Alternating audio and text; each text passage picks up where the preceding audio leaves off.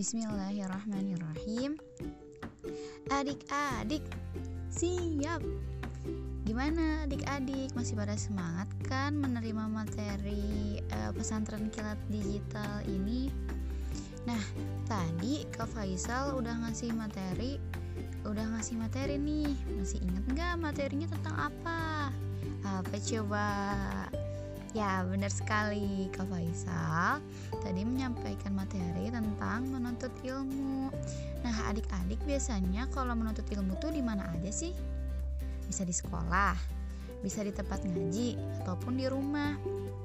Nah, kalau di tempat ngaji atau di sekolah tuh pasti adik-adik nggak sendirian kan menuntut ilmunya.